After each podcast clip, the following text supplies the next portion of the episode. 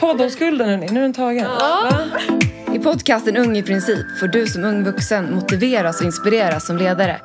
Du kommer få konkreta tips i hur du kan bli tydligare i din kommunikation, få goda relationer och hantera stress och oro.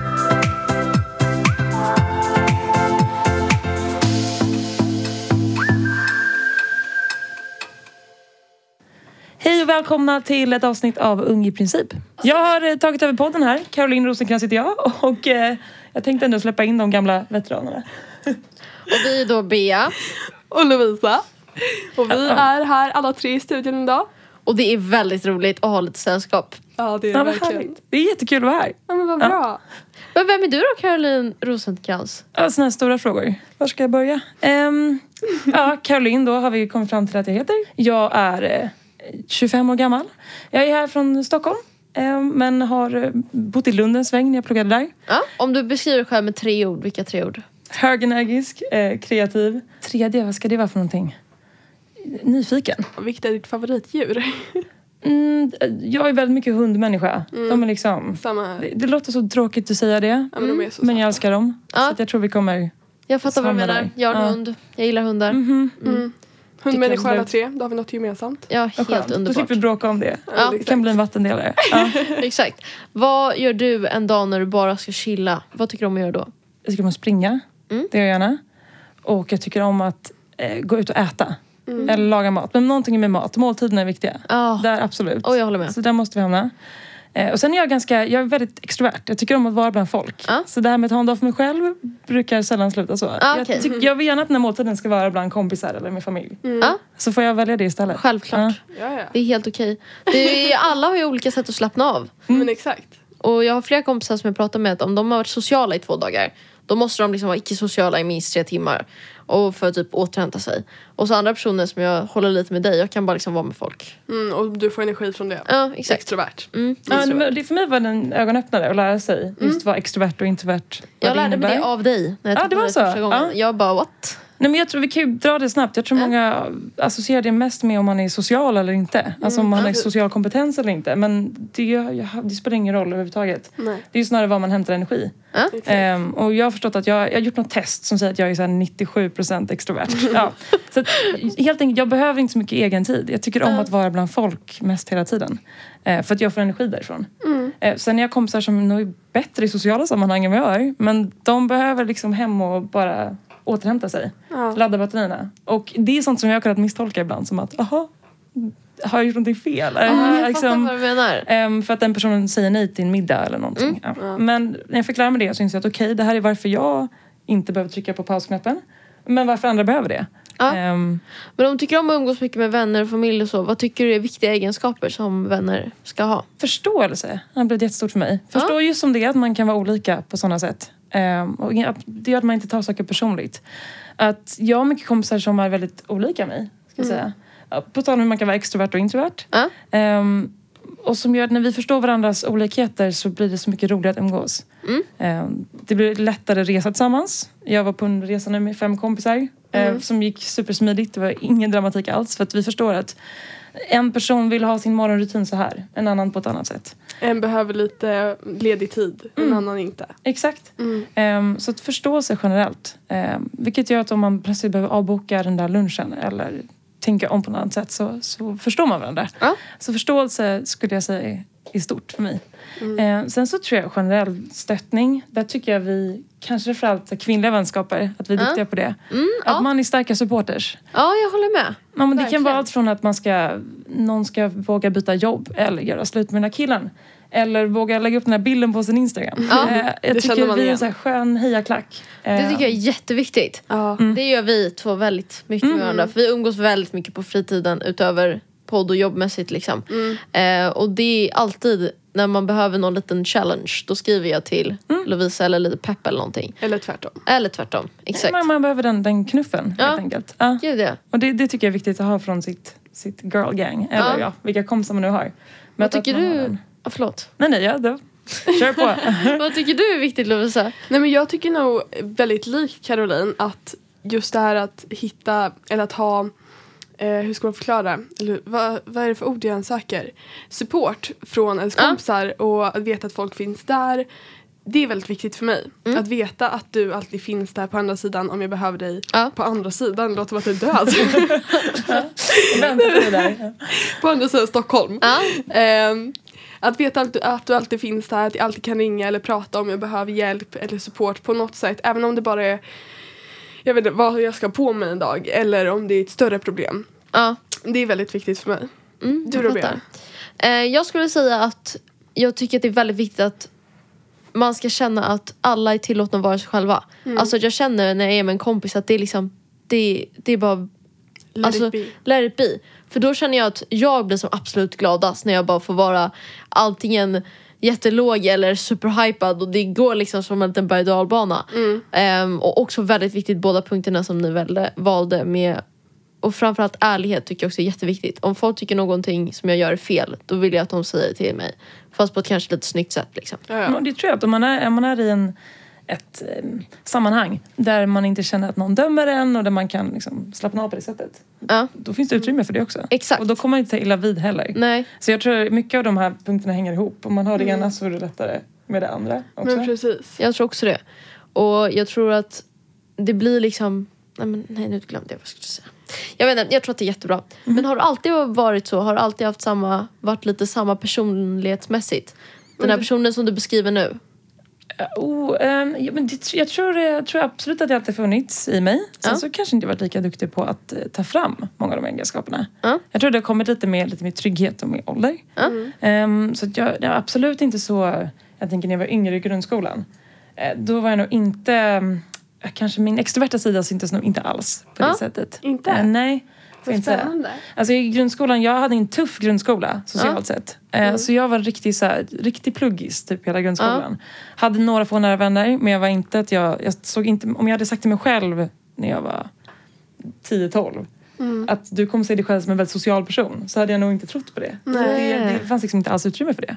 Jag, jag var mest, jag liksom hade några få sådana personer jag kunde vara nära och Ja. öppen med. Och sen så hade jag skolan liksom. Eh, Och så skulle jag inte säga att mitt liv ser ut idag. Ehm, När du gick gymnasiet eller under din gymnasietid när du var, om man säger som oss. Eh, finns det någonting, om du får gå tillbaka, som du hade velat ändra på? Eller är du nöjd med att du var som du var för att du blivit den personen du är idag? Förstår du vad jag menar? Absolut, men så tror jag man ska tänka om det mesta. Alltså, klassiker men inte ångra någonting. Eller Mm. försöka, Ja, om ja. för att det, det leder en fram till vad man är. Så Ja. att jag försöker vara tacksam över den vägen jag har valt. Eller den vägen som det har blivit snarare. Men jag är mycket sånt jag skulle vilja säga till Caroline gymnasiet. Ja. Absolut. Ehm, ja, men mycket sånt som gjorde mig väldigt eh, både stressad och orolig tror jag. Eller som ah, la sig som en ganska... Ja, men som skapade nog mycket prestationsångest för mig då. Som jag idag kan känna att den var väldigt onödig. Hade du Ja. mycket prestationsångest? Ja men det hade jag. Um, framförallt hade jag väldigt tydlig, jag hade väldigt mycket måstande krav på mig själv. Som Ja. jag idag inte har kvar längre. Verkligen inte. Vad skönt. Har du något exempel du vill dela med dig av? Ja, men absolut, jag tror att jag kan snarare... Jag, jag har väldigt, alltid varit väldigt målmedveten. Och liksom haft ett naturligt driv. Så det är jag väldigt tacksam över att det funnits i mig. Men, men det riktades kanske lite åt fel håll kände jag när jag gick gymnasiet. Men där var jag övertygad om att jag skulle plugga en viss sak och jag skulle in på ett visst typ av universitet. Ehm, och efter universitetet skulle jag också in på ett visst jobb. Ehm, och allt det hade jag klart för mig. Alltså redan typ innan jag började gymnasiet. Vilket jag idag tycker låter helt absurt. Men för mig var det då, nej det här, är liksom, det här är, är så man gör det. Ja. Ehm, och så var det som ett gäng checkboxar jag bara skulle fylla i. Aha. Och jag hade någon slags bild om att så här, det här är mina checkboxar fram till att jag ska bli vuxen på riktigt. Ja. Kanske runt 30. Jag hade någon, så här, någon lifeline Ja. där. Att ja, men det här ska jag hinna göra fram tills att jag är 30. Ja. Och när jag kommer dit då kommer jag liksom vara klar på något sätt. Aha. Sen kommer livet bara pågå och vara härligt och skönt. För då kommer jag... Då är man vuxen och då sköter det sig själv. Gud vad sjukt. Och det, nu när jag säger det högt så jag förstår hur absurt det låter. Men Ja. jag kan tänka mig att jag inte är den enda som har Nej. hållit på så här. Gud, Absolut inte. Titta på mig bara. Alltså, oh. Nej, men det är, och, of- ofta när man säger det högt, det är så typiskt. Man tänker att man är den enda som håller på med så här galna Ja. tankar och man är ju aldrig ensam om det. Nej, Nej, precis. det låter ju väldigt mycket som så här lite duktig flicka syndrom. Alltså det är Absolut. mycket, det är väldigt vanligt. Ja. Och framförallt, man ser det ofta på de här högpresterande skolorna här i Stockholm. Ja, Lovisa vinkar här lite borta som går Norra Real Natur Natur. Ja, och jag, jag gick Viktor Rydberg som Ja. också är en sån typ av skola som är lite samma. Jag tror att då blir det om det här duktig flicka-syndromen blir väldigt normaliserade. För att, äh, det är så många runt omkring en som håller på med de här checkboxarna. Gud ja. Att, att de inte, de känns ganska normala. Särskilt, Exakt. särskilt min skola, jag känner verkligen igen det. Och jag får också mycket press att om inte jag är lika duktig som alla andra, om inte jag hinner fylla i de här checkboxarna eller har rätt checkboxar inom citationstecken så är inte jag bra nog. Och det, och det är just väldig de där sakerna som nu i efterhand jag kan tänka om så här, okej men vad är, som du säger nu, Mm. aha, men vad är det egentligen för checkboxar och vad är lika duktig som? Alltså vem, Mm, vem har satt precis. upp den skalan? För att när jag var också i gymnasiet så jag ifrågasatte inte det. Jag tyckte det var en ren skär sanning över vad Mm. jag skulle uppnå och lyckas med. Det är så det Ehm, är liksom. Och, och herregud, den, den där planen jag hade när jag var, vad blir det, ja men typ 16. Mm. Så har det inte alls blivit. Jag är Nej. så glad för det. Verkligen. Gud vad Vad sjukt. ser du för, jag måste bara fråga, vad ser du för för och nackdelar med eh, att ha höga ambitioner och mycket prestationsångest? Har det givit dig någonting eller har det bara varit negativt? Nej, men alltså, lite som vi sa innan, att, att jag, är jätte, jag, är så, jag är väldigt tacksam över allt jag har liksom, någonstans varit med om. För det är det som har gjort att jag är där jag är idag. Och nu är jag väldigt glad över var jag är någonstans. Ja. Men jag tror man kan dela upp det lite. Jag tror att höga ambitioner och den drivkraften, Mm. eh, det kan vara superpositivt. Det, Det tar dig ju till ställen dit Ja, du vill. gud, ja. Ehm, så det är bara häftigt. Sen så prestationsångesten, det är ju, skulle jag säga, den negativa output man kan få från eh, sina höga ambitioner. Ja. Ehm, så att prestationsångest, den har varit onödig. Ja. Ehm, för att, att må dåligt över sina ambitioner, det tycker jag ingen ska göra egentligen. Nej. Sen så är det, liksom, det är naturligt, jag tror inte man ska inte vara för hård mot sig själv heller. Men, men det är nog bra om man i tidig ålder kan börja ifrågasätta lite. Men Ja. varför mår jag dåligt över de här kraven jag har? Mm. Ja. Eller liksom, ja, vad låter betyder det väldigt smart. Då måste jag fråga, för du pratar ju mycket om att eh, du hade en väldigt tydlig väg men det är inte den vägen du har gått. Hur, vad var din väg då och hur har det urartat sig? Liksom? Mm. Men jag, hade, jag kan ju vara lite konkret då nu ändå istället för att, ja men som sagt jag gick Viktor Rydberg och där tror jag att jag hade någon bild av att men, det jag ska göra härifrån det är att liksom gå på Handels eller ja, kanske bli jurist. Det var typ de två vägarna jag hade att välja mellan. Ja. Ehm, och lite så här, ha, och efter det då får jag ju, efter jag är klar med den utbildningen. För först ska jag betygen för det, att komma in på de, på de utbildningarna.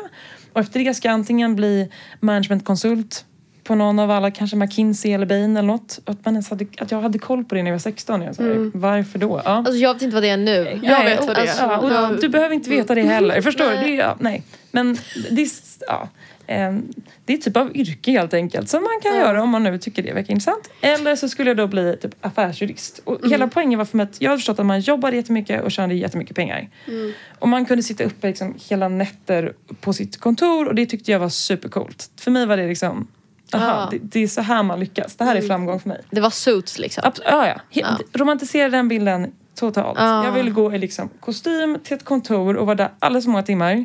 Lite så här, slita ut sig själv. Det tyckte jag var lite häftigt. Helt enkelt. Ja, Ehm, Det sjuka är också att jag verkligen kan känna igen mig så mycket i det här. ja, inte jag. Alltså, jag och min kompis pratade om de här företagen som du precis nämnde häromdagen. Och Handels.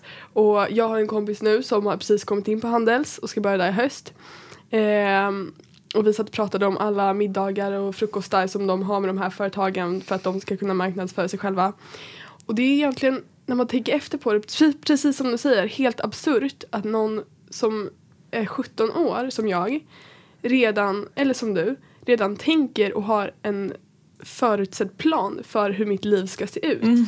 När jag inte har någon aning om vad som kan hända på vägen, vilka möjligheter som kommer finnas bakom alla gathörn. Alltså, det är Ja, man, man hinner växa, man hinner upptäcka massa Precis. saker. Och det är verkligen, eh, det finns, jag har ingenting negativt att säga om varken Handels eller om man ska Nej, jobba nej. som affärsjurist eller på McKinsey eller vad den blir. Jag har massa vänner som gör det idag. Mm. Eh, vilket är toppen. Eh, För mig var det bara att jag såg inga andra alternativ. Och, och lite så här, om jag gjorde någonting annat än det, då var det ett misslyckande. Ja, precis. Det var liksom det, det mindset jag hade vid 16. Det var det jag ville Ehm, komma ja, till. Och det är det jag menar, det, nej, det finns, man kan göra massa grejer. Bland annat bli konsult om man nu vill det. Men sen finns det miljoner andra alternativ. Och det finns inget som är liksom värderas annorlunda där. Eller jag vill rucka lite på den hierarkin tror jag. Ja. Mm.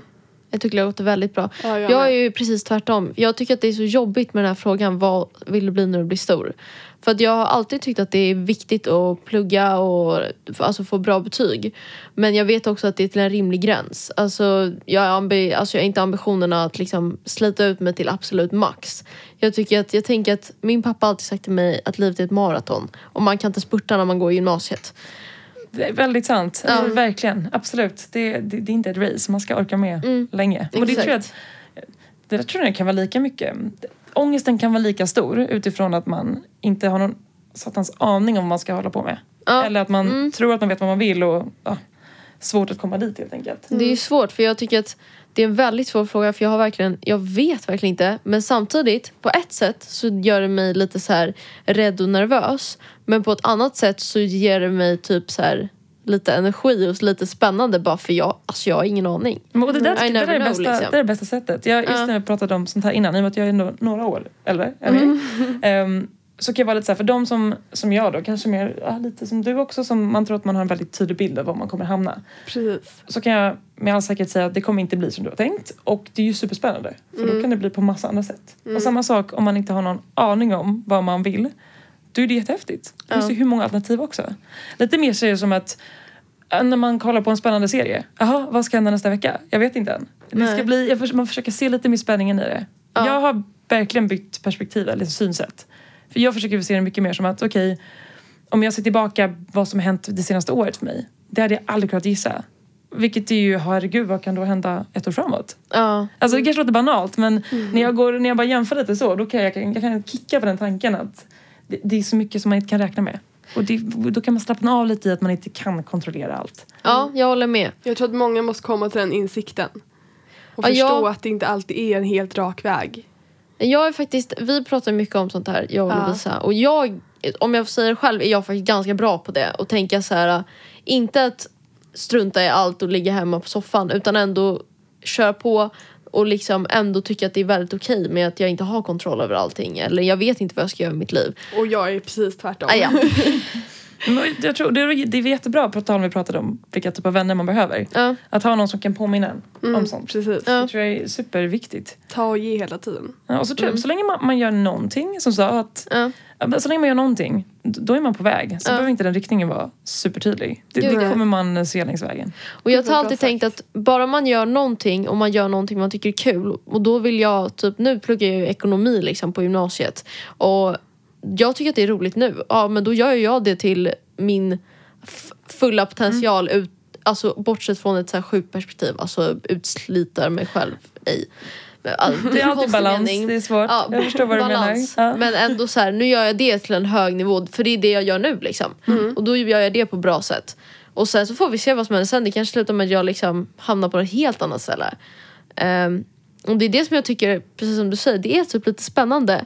Och samtidigt ibland lite läskigt. För när man kommer till folk som säger att ah, nej men jag vill göra det här, jag ska göra det jag ska göra det. Jag bara okej, nice. Du har hela ditt liv framför dig. Ja. Men, men då, och då planerat, kan du, du, när, i den situationen, jag förstår att det kan vara lite, så här, lite intimidating. Att Ja. träffa folk som bara radar upp sina femårsplaner och allt som ska ske. Då kan man alltid luta tillbaka med att ah, fast den personen har ju ingen aning egentligen. Ehm, men nu har du ju kommit till ett ställe som är helt annorlunda än vad du hade tänkt från början. Och jag antar att det kanske inte bara, det inte bara hände. Det var väl kanske lite obekvämt, lite, lite läskigt kanske till och med. Ja, gud, det var ju superläskigt. Verkligen. Jag, när jag liksom bytte spår. Jag, jag höll på med den här eh, stabila utstakade banan väldigt länge ändå. Eh, jag, jag skulle bli jurist helt enkelt var min plan. Och Ja. sen så kom jag till slut på att det här nog inte var riktigt mitt kall. Eller det jag egentligen tyckte var så himla roligt egentligen. Ja. Ehm, och här någonstans började en 180-vändning Ja. till någonting helt annat. Eh, och det är absolut det läskigaste jag gjort. Och jag tror för så? många kanske inte låter så allvarligt. Att jaha, okej, du gick från ett sånt här jobb till ett annat jobb. Men för min del, som hade, och nu vet ni lite bakgrunden till hur jag tänkte. Så var det här som att bestiga Mount Everest. Eller liksom Ja. hoppa bungee jump. Ehm, men men jag, och jag är så glad att jag ändå lyckades göra det. Ja. Ehm, så att, nej, det var jätteobekvämt. Kan du Eh, verkligen. fortfarande inte liksom, kan du sätta lite fingret på så här, vad var det som var obekvämt? Eller är det så här, det är bara en känsla? För jag kan verkligen tänka mig att det finns Nej men det var, det var mycket, jag hade, för mig var det att jag hade såna jag hade en tydlig bild av vad, vad som förväntades av mig. Och var jag egentligen skulle hamna. Ja. Och nu skulle jag göra någonting annat än, än, ja, än de här sakerna som Ja. jag trodde att jag, jag egentligen var tänkt att göra. Eller vad kanske folk runt omkring mig tyckte jag skulle göra. Och nu skulle jag plötsligt våga gå emot det. Eh, och göra någonting för min egen skull. Ja, jag Och fattar. det, det var det läskiga. Och att jag vågade göra det, det var ju för att det ändå någonstans fanns en röst i mig som sa att men det här är ett mer liksom sant val. Det här är mer rätt enligt dig. Mm. Nu lyssnar du på dig själv. Eh, Så det var därför jag tror det gjorde att jag orkade ta de besluten ändå. Ja. Du kan ju Ehm. bara slänga in vad jobbar du med nu. Ja, gud. Just nu jobbar jag på ett, ett varumärke som heter Hermin Holt. Jag jobbar med varumärke, min, är brand manager i min titel. Jag jobbar med var, varumärkesuppbyggnad. Så att innan, jag har hållit på med liksom marknadsföring och PR och varumärken. Det var min liksom, kreativa bas. Ehm, Så det pysslar jag med nu istället för juridik. Och det låter ju väldigt bra utifrån att du faktiskt beskrev dig själv som en av tre orden var kreativ. Och då att istället få sitta liksom och tråka dig på ett juristkontor där du kanske inte hör hemma liksom. För att du är en kreativ person så får du faktiskt jobba med det du tycker är kul. Och Ja, verkligen. Ja, nej, men, det, verkligen det, jag fick, det var liksom mina intressen som tog mig dit. Ja. Jag tyckte fotografi är kul, jag tycker branding är kul. Alltså, sånt som jag alltid varit intresserad av men tänkte att det varit en hobby. Ehm, det var när jag tog det på allvar som Ja. jag lyckades komma dit. Ehm, så absolut. Det, det, och nu jobbar jag också på en startup så det på tal om att jag är ganska, det kräver mycket energi om man ska kunna på tal om en utmaning, det är en, det är en utmaning i sig att vara Ja. på ett litet bolag. Ehm, men det är, det är superspännande också. Så att det är belöningar i det varje dag. Jag är nyfiken på, för att man måste ju hela tiden sätta upp små nya mål för att kunna fortsätta rulla. Mm. Vad har du för mål nu? Vad är det du vill komma, när du har ändå valt den vägen du verkar vilja gå nu. Mm. Vad är ditt nästa mål? Och de ser så annorlunda ut. Jag tror jag hade, mm, när jag skulle byta bana så, på tal om målsättning, då var det mycket tydligare för mig att liksom, från en praktikplats få en anställning. Från anställningen, ska, ja, då var det mer, väldigt mycket mer riktat på jobb. Ehm, Jag har massa, små, massa mål inom jobbet, vad vi på företaget. Det är lite ett, startup, så vi är väldigt så här, allt från att få så här många följare på Instagram till att sälja så här många produkter. Det blir väldigt konkret, just businessen. Precis. Men nu tror jag ganska mycket personliga mål också. Jag tror att i och med att jag har nu har jag ändå lyckats landa på en plats där jag trivs väldigt bra jobbmässigt. Ehm, så nu kanske mina mål är mer fokuserade på rent privata mål. Ja. Lite som att ja, men, ehm, jag vill eh, ta hand om min hälsa på det här sättet. Jag vill göra tid för min familj och mina vänner på det här sättet. Ja. Ehm, jag vill, eh, ja men, ja, men mer så här, kanske mer handla om mig som person och det, det här som är utanför jobb också. Det har Ja. fått större plats nu när jag har Mm, landat mer där.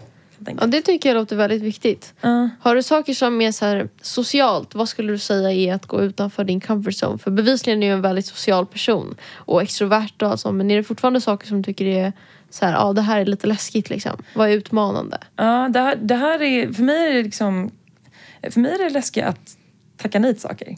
Ja, Och lita på att inte, att jag fortfarande har mina vänner och min familj kvar. Ah. Och så har det varit mycket i jobbsammanhang också. Det tror jag att man kan känna i alla typer av, om det är jobb, skola, relationer. ja. Eh, för mig har det läskiga varit att säga nej tack för den här gången. Om det så är en middag eller ett jobbprojekt eller ett frilansjobb eller vad det kan vara. Eh, att våga göra det. Mm. Och förstå att allt är fine. Hela världen eh, liksom, kraschar inte bara för Nej, att jag tackar nej. Och genom att göra det så gäller det också att man kommunicerar på rätt sätt. Mm. Eller på bra vis så att inte de får fel uppfattning eller ja, du förstår. Ehm, har du några bra tips på hur man kommunicerar? Inom vad? Familj, vänner, Mm. vad som helst. Hur kommunicerar du på bästa vis? Och är kommunikation viktigt för dig? Jätteviktigt, Mm. absolut. Jag är väldigt nära min, min familj, jag har väldigt mycket kontakt med, med den och jag har mycket kompisar och, eh, som jag liksom har väldigt aktiv relation med. Vi ses och hörs Ja. mycket. Ehm, så att där blir automatisk kommunikation superviktigt. Framförallt att man ska hålla tror jag, hälsosamma relationer Ja. vid liv. Även så på jobbet, som sagt, i en startup är man så, det är ofta så intensivt i jobbet att man blir väldigt nära varandra. Mm. Så även den kommunikationen med, med min chef, mina kollegor är superviktig. ja. Ehm, Jag har haft ganska enkelt för att vara väldigt öppen och transparent. Ja. Ehm, Mina kompisar brukar skoja med att jag inte har någon integritet, det har jag. Men jag har väldigt lätt att bjuda på det som är både privat och jobbigt. Ehm, Så för mig har det varit lätt att vara ganska öppen i min kommunikation. Att kanske komma till jobbet och säga eh, jag mår lite dåligt just nu av de här privata anledningarna så därför kanske det påverkar min dag idag jobbmässigt. Ja. Ehm, Och jag tror sån öppenhet föder öppenhet. Då får Mm, man mycket ja. den tillbaka. Mm. Ehm, och samma sak med vänner och familj. Jag tror att när man får in det som vana att kanske vara så öppen i sin kommunikation. Ja. Kring vad man känner och så. Även om inte, som sagt, mitt privatliv har ju inte direkt koppling till mitt jobb. Men, men min, det kommer påverka mig i alla fall. Ja. Så jag tror på att, att prata om det. Um, och där tror jag även till min familj. Jag tror jag var duktig, framförallt innan jag bytte spår där, var jag nog duktig på att säga att jag mår bra, allt är okej, fast det inte var det. Vilket bara skapade en dålig spiral. Um, Hur kom du ur den? Hur började du säga det är inte okej? Ja, det var lite så, lite så den krisen som gjorde nog att jag förstod att så jag går runt och ljuger här. Jag går runt och säger att jag trivs jättebra med den här utbildningen och med det här spåret fast jag inte gör det.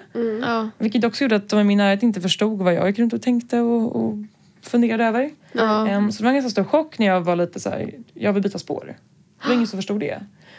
Jag kände mig jättemissförstådd och kände att ingen backade mig. Fast det egentligen var bara jag som inte hade, riktigt hade kommunicerat vad jag gick och tänkte på. Ja, för det där är så sjukt för man kan ju fortfarande kommunicera och prata med varandra men gör det liksom ärligt och öppet. Precis som du säger nu när du kommer till jobbet eller när man kommer till skolan. Då brukar jag också tänka på att säga så här. Alltså jag är ledsen idag, jag har haft en, alltså jag har haft en pissig dag idag. Alltså den har inte varit bra. Jag ska verkligen försöka att glömma det och liksom prestera eller göra det här. Men jag vet att det kommer påverka mig kanske. Mm. Och, det, jag tror verkligen att det är bra att vara öppen med varandra. mm, och det är någonting som jag inte är lika bra på och som jag verkligen borde börja tala om för mig, folk i min närhet. För att jag tror att det skulle bli så mycket bättre då. Jag, jag tror lite som en muskel som man kan träna på. Ja, det I tror jag början också. känns det läskigt och kanske säga det, om det, även om det är till ens kompisar. Att våga vara sådär lite mer Precis. sårbar än vad man är van vid. Ja. Så provar man och inser att det inte är så farligt. Och det är ganska skönt snarare. Och då liksom tror jag man blir, det blir lättare och lättare för varje gång man är sådär ärlig. Ehm, jag, är väldigt för att man, man är det i så många sammanhang man kan. Ja, det håller jag faktiskt verkligen med om. Vi har pratat mycket om det. När man, när jag, ja, vi har lärt känna varandra så bra så jag ser liksom Mm. nu på Lovisa. Jag ser bara nej. nej men alltså nu, nu ljuger du. Och då är det så här. Nu får du säga sanningen. Och sen så om det blir något jobbigt samtalsämne som Lovisa inte gillar att prata om. Då går vi på en promenad och så får båda kolla rakt fram. Och så Mm. kan man prata med varandra ändå. Och då kan du vara öppen. Men då är det som att du bara pratar högt om dina egna tankar. Även fast det är jag som går bredvid. Hett tips faktiskt. Det är faktiskt jättesmart. Smart. Ja. Om man har svårt för att vara öppen med folk. Det är med, jag kommer ihåg när jag var liten och nu blir det lite det är lite Storytime. roligt här, nu storytime. Ehm, när jag var liten och jag kommer ihåg att det här det, grejen, det är ju inte en grej riktigt men det blommor och bisnacket som föräldrarna ska ha med sina barn och alla. Och det är så mamma, vi pratade om det, man har öppen relation. Sen skulle pappa ha då blommor och bisnacket med mig och han är också jätteöppen. Men då sa han så här, nu så sätter vi oss i bilen, båda sitter rakt fram, så sitter vi och kör lite och sen så får vi, kan vi prata lite om det här. Men vi behöver inte kolla på varandra för att han märkte att jag tyckte det var jobbigt, han tyckte att det var jobbigt för att jag tyckte det var jobbigt och då blev det liksom Ond spiral. ond spiral. Och då var det bara smart sätt, smart sätt. Då var det som att man satt och pratade med sig. Ja, men det Sig med liksom. ögonkontakt är läskigt. Det Ja. är så direkt på något sätt. Så Exakt. det är ett jättebra tips. Man ser liksom rakt djupt in i en person. Ja, verkligen. Men, men jag tror det är jättebra att träna på det. Och som sagt, bra med en, nära vän som kan se att nu vet jag att du inte säger exakt vad du, vad du tänker på här, eller Ja. vad du menar här. Eh, för jag tror även i andra sammanhang, låt oss säga på jobbet då, med, eller i skolan, med folk som man kanske inte har riktigt så nära. Eh, om, man, om man inte är lika öppen där, då kan man skapa så himla mycket missförstånd. För det är så Ja, lätt att folk tar det gud, ja. personligt. Eh, för att om man anar att något är fel, det är väl en jättemänsklig egenskap, men direkt blir man ju så här, vänta vad har jag gjort? Har, något, har någonting hänt här? Är När det. det kanske handlar om någonting helt annat. Ja, Så för oss på jobbet, som sagt, man jobbar väldigt tajt in på varandra. Men det kan ju vara likadant om ditt skolprojekt eller vad man än är. Ehm, att, att det var viktigt för oss att kunna vara, om det är något annat som skaver, att man säger det. Ja. För då slipper resten gå runt och tro att det är någonting annat det hänger på. Och så, jag så jag tror att om man kan öva på att just vara öppen med sina nära vänner, det tror jag man har så mycket att vinna på i längden. Som sagt, det var, jag räddade många re- relationer med mina föräldrar och många vänner just för att jag kunde vara öppen sen och bara gick och tänkte på. Um, Det tror är jag är superviktigt. Ja, det tror jag är superviktigt. ja. Det här handlar ju lite om att vara en ledare över sig själv, skulle jag säga. Att ha Ja. ledarskap över sig själv. Ehm, hur tycker du, eller hur skulle du säga att man är en bra ledare för sig själv och för andra? Vad är det som Ja. gör en en bra ledare, jag, dig? jag tror de hänger ihop mycket. Att man, man, är nog, man blir nog en bra ledare för andra om man kan vara en för sig själv. ja, jag håller med. Ehm, och om hur man är det, det är nog mycket att, um, med lite samma spår som jag var inne på, eller som jag pratade om, att, Mm. Att man ska våga göra saker för sin egen skull. Och rannsaka lite de här konstiga checkboxarna eller de här kraven man tror man har på sig själv. Mm. När man tar lite makten över dem och sätter upp dem för sin egen skull, Mm. ehm, då, då tror jag man blir en, en väldigt bra ledare för sig själv. Då, då inser man, då tror jag man gör saker av rätt anledning. Om det är välja utbildning eller tacka ja eller nej till det där sociala sammanhanget. Eller varför man tränar vissa tider och inte eller vad man nu beslutar sig för att göra. Då gör man det av rätt anledning och då tror jag man, har, då tror man inspirerar bara i den effekten. Ehm, jag tror, lite som sagt, ehm, jag är en jättebra chef nu eh, och hon är nog en så bra chef just för att hon, hon är, det livet hon lever är inspirerande i sig. Ja. Eh, hon, har liksom, hon har hälsosamma värderingar, delad, det hon gör eh, det kommer vi som anställda också följa efter. Det är lite som du vet, så här, barn gör inte som föräldrar Ja, säger, barn ja, gör det som är föräldrar gör. sant. Och så tycker jag det hänger väldigt ihop med, med ledarskap också. Ehm, en chef som säger åh gå och var ledig nu men som sen jobbar 24-7. Ja, Det, det kommer aldrig kännas trovärdigt. nej jag håller Ehm, verkligen med. Så som sagt jag tror att det hänger ihop. Om, om man är en duktig liksom, ledare gentemot sig själv så kommer det spegla sig eh, i, i de man ska vara ledare för. Ja, jag tror att det där är jätteviktigt. För jag har jobbat då som ledare under den här sommaren. Och jag har fått verkligen utmana mina ledarkunskaper på många olika sätt. Och då märker man att också hela den här grejen med att ha självförtroende i sitt ledarskap på ett schysst sätt. Och man kan vara ledare på så olika sätt. För att jag hade en grupp med barn som var väldigt krångliga. Eh, och då fick man liksom testa alla olika saker. Så här, att sitta och ta de här lugna samtalen och vara så här, resonera. Hur känner du? Hur känner jag? Eh, varför är det så här?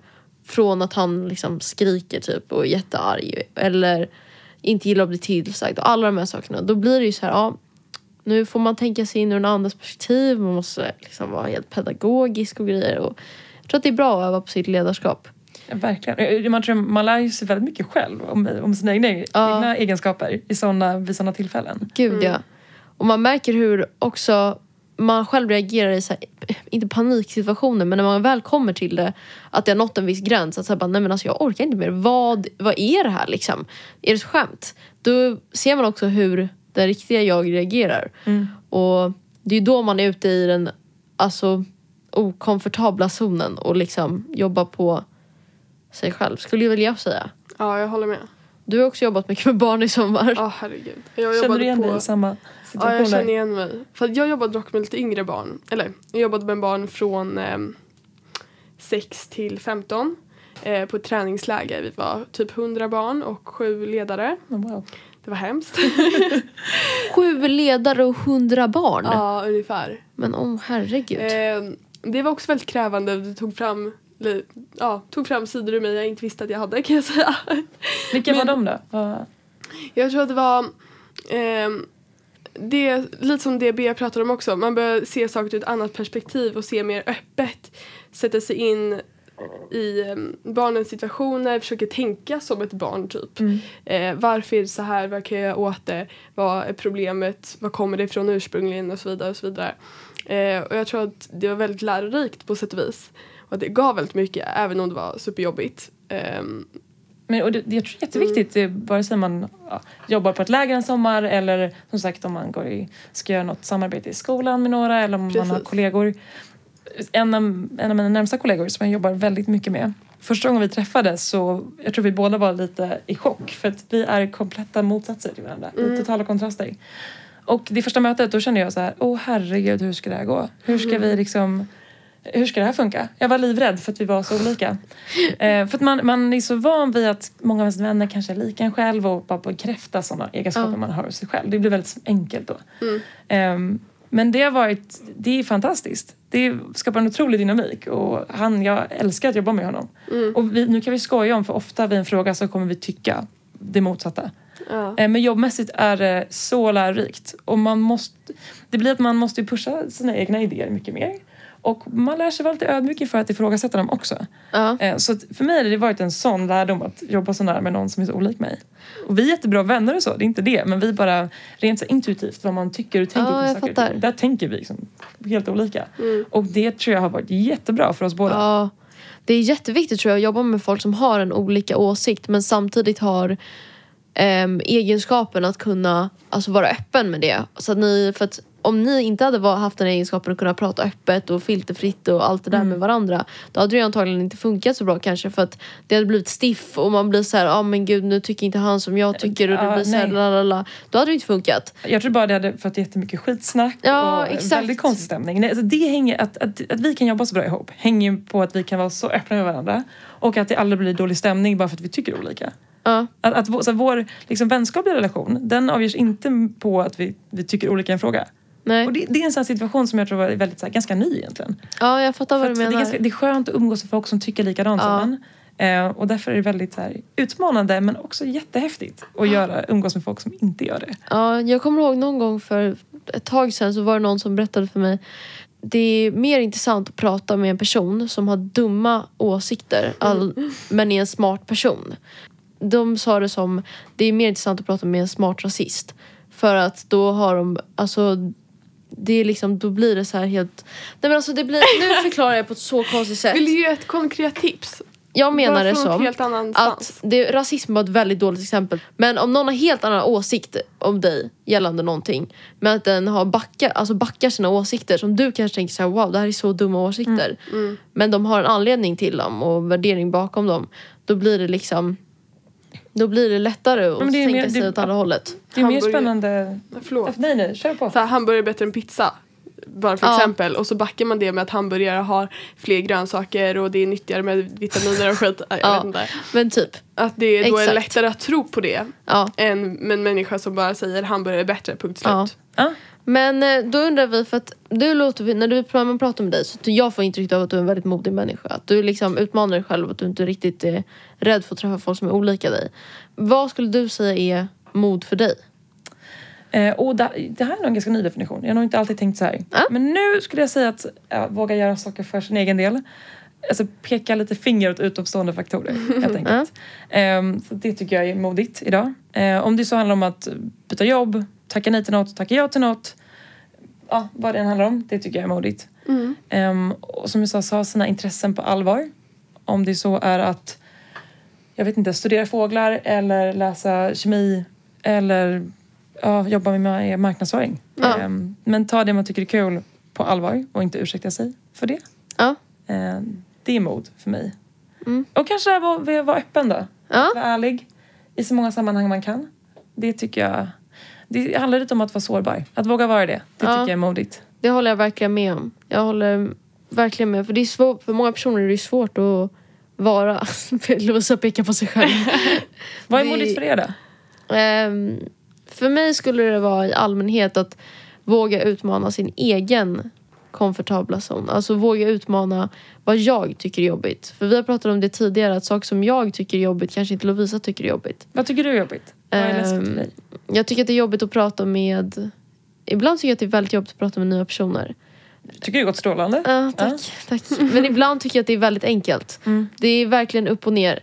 Eh, vi har pratat om det tidigare en gång när jag bara fick helt blackout. Liksom. Och det går inte. Ibland blir jag väldigt självmedveten och ibland är jag väldigt osjälvmedveten. Jag ska säga modigt att ha en podcast och bjuda in gäster. Ja. Man tycker det är Det läskigt hela, att prata hela den med här nya med människor. podden, det kan jag verkligen säga att det är mycket mod för mig. Och liksom hela grejen med hur vi, när vi ska göra på Instagram, hur vi ska visa allting och sådana saker. Det är på sätt och vis, jag kan vara en väldigt, väldigt, väldigt öppen person. Nästan lite för öppen person. och jag kan samtidigt vara väldigt, väldigt självmedveten och vara liksom den helt andra personen. Så att jag kan vara Tycker du det är lite... läskigt? Jag tycker att det är läskigt ehm, att låta mig själv inte vara bäst för mig själv. Jag bryr mig oftast inte så mycket om vad andra tycker. Om, ehm, om mina kompisar är nöjd för att jag får ett A i skolan eller om de tycker att jag gör någonting bra. Men att låta mig själv tycka att någonting jag gör är bra, det är ganska läskigt för mig oftast. Att känna sig tillräcklig? Ja, att vara tillräcklig, att känna mig nöjd med mig själv. Ehm, ja, Kan, du, kan du öva på det? Tror du liksom Ja, att du kan? jag övar på det hela tiden. Men eh, det, det tar sin tid. Det är svårt, tycker jag, för min Ja. del. Det är jättesvårt. Ehm, att låta sig själv tycka att man är bra. Jag, jag, jag tror något man, lite personlighetsmässigt, men något man får kämpa med lite hela livet. Ja. Precis. Det är någonting man måste jobba med hela tiden och som kommer fortsätta rulla och man kommer kanske aldrig riktigt bli klar. För att man fortsätter utvecklas hela tiden. Ehm, Men jag tror det är väldigt, att, att, ja, jag önskar att jag hade kunnat tänka som du Mm. eh, när jag var 17. För det gjorde jag nog inte. Bra. Så jag tror om du är med i det nu så kommer det vara strålande när du är 25 och Ja, jag beyond hoppas that. på det. Absolut. Jag tycker det låter jättebra. Ja, det, är för, det här med mod tycker jag är så himla spännande. För att jag tycker att det är så coolt med folk som är modiga för sig själva. Mycket coolare än de som gör saker som kanske inte de tycker är så farligt. Förstår du vad jag menar? Är det då mod egentligen? Mm, Om man inte exakt. tycker det är läskigt. Då är det ju inte det. Det är det som är grejen. Och jag tycker att på ett sätt är det jätte, jättespännande att utmana sig men ibland är det så fruktansvärt obekvämt så att det är liksom jag vill bara försvinna genom marken. Ja, jag håller med. Ja, men då kolla, du sitter här pratar med främlingen. Ja, Snyggt exakt. jobbat. Tack så jättemycket. Caroline, jag skulle vilja fråga dig tre snabba tips om vad du vill dela med dig av till våra lyssnare. Det bästa du har. Tre snabba. Wow. Mm, Ingen press, men om man känner igen sig lite av de här checkboxarna jag pratade om skulle jag ge tips att rannsaka dem. Eh, se om de stämmer och vem som har satt upp dem. Om det finns någonting bakom där. För när man börjar sätta upp dem själv så blir det väldigt mycket roligare att, att checka av dem. Det kan jag säga som ett. Och sen eh, skulle jag väl, ja men det är som sagt att öva på att vara modig. Och att modig handlar om det man tycker egentligen är läskigt. Om det är så att tacka ja eller nej. Eh, Som sagt att vara människor eller inte. Att dumpa den här killen eller snarare säga att man är kär i honom Mm. vad man tycker är läskigt, att öva på det. Det tar en platser man, man knappt kan tänka sig. Ehm, och ja, men kanske det där med att prata med vänner. Se till att omge sig med, med en vettiga kompisar, vettiga chefer och kollegor. Ehm, det tror jag är supernödvändigt för att man ska ha kul och må bra längs vägen. Vad man än vill pyssla med. Ja. Det tror jag med. Just det, vart hittar man dig? Om man följa dig på sociala medier eller var kan man liksom... Ja, eh, Se mig hittar man på um, jag tror Instagram är väl lättast. Mm. Då är det Caroline som mitt namn. C, Caroline, R-T-Z. Eller så söker man på Caroline Rosenkrantz så borde det dyka upp. Där finns jag. Och såklart på, mycket på Hermin Hold där jag jobbar. Där, Ja. där är jag mycket inne och svarar om man någonsin undrar över någonting. Men det är bara att skriva till mig där. Härligt. Oss hittar du på, också på Instagram och på Facetime. Facetime finns vi inte alls på. Facebook finns vi däremot på. Eh, under Ung i princip. Och om ni vill lyssna på någon av våra andra avsnitt där det oftast är bara jag och Lovisa som sitter och babblar. Då finns det på Spotify, Acast och Podcaster. Men i allmänhet där poddar finns. Yes, så är det. Tack så jättemycket återigen för att du ville vara med oss idag. Ja, Tack för att jag fick komma. det var jätteroligt. Puss och kram! Hej då!